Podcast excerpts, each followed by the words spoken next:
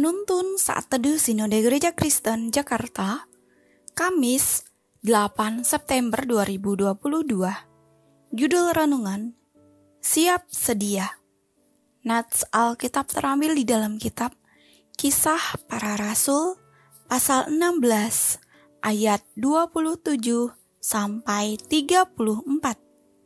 Ketika kepala penjara itu terjaga dari tidurnya, dan melihat pintu-pintu penjara terbuka, ia menghunus pedangnya hendak membunuh diri karena ia menyangka bahwa orang-orang hukuman itu telah melarikan diri.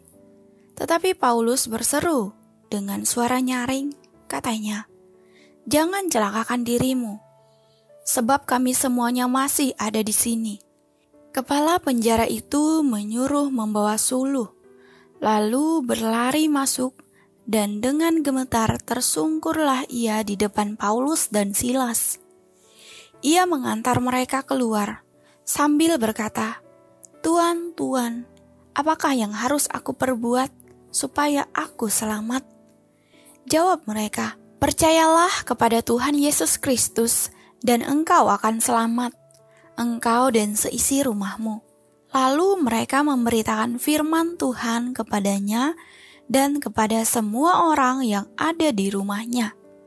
Pada jam itu juga, kepala penjara itu membawa mereka dan membasuh bilur mereka.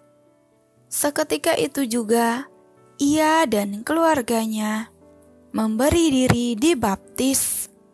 Lalu ia membawa mereka ke rumahnya dan menghidangkan makanan kepada mereka dan ia sangat bergembira bahwa ia dan seisi rumahnya telah menjadi percaya kepada Allah. Suatu hari, saya diundang untuk menghadiri sebuah komunitas Kristen, dan ada seorang ibu yang belum percaya Yesus meminta saya untuk mendoakan dia karena sudah beberapa hari tidak bisa tidur. Saat itu saya tidak langsung mendoakannya, tetapi saya terdorong untuk terlebih dahulu menginjili dan membimbing dia terima Yesus. Ini bukanlah pengalaman pertama, bahkan sering Tuhan pertemukan saya dengan orang-orang yang siap untuk diinjili. Terkadang dalam momen yang tidak terpikirkan oleh saya, saya harus selalu siap sedia kapan pun dan di mana pun. Paulus dan Silas saat itu sedang berada dalam penjara. Mereka terbelenggu dengan kaki yang terpasung. Pada tengah malam, mereka menaikkan pujian kepada Allah. Kemudian terjadilah gempa bumi yang hebat. Pintu penjara terbuka dan terlepaslah belenggu mereka. Kepala penjara yang berjaga saat itu menjadi ketakutan dan hendak bunuh diri karena mengira para tawanan sudah melarikan diri. Tetapi Paulus mencegahnya. Bahkan dalam ayat 32 sampai 33 dikatakan bahwa Paulus memberitakan firman Tuhan kepadanya. Saat itu juga kepala penjara serta seisi keluarganya bertobat dan memberi diri dibaptis. Paulus tentu tidak pernah mengira bahwa akan terjadi pertobatan di tempat mereka di penjara. Paulus hanya peka dan mengikuti pimpinan Roh Kudus dalam setiap kesempatan yang ada.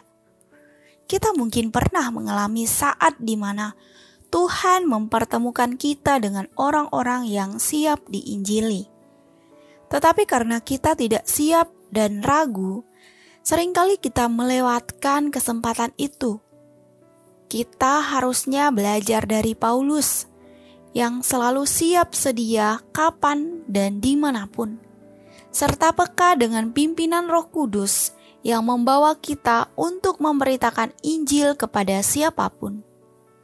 Selalu siap sedia, beritakan Injil kapan pun dan di mana pun.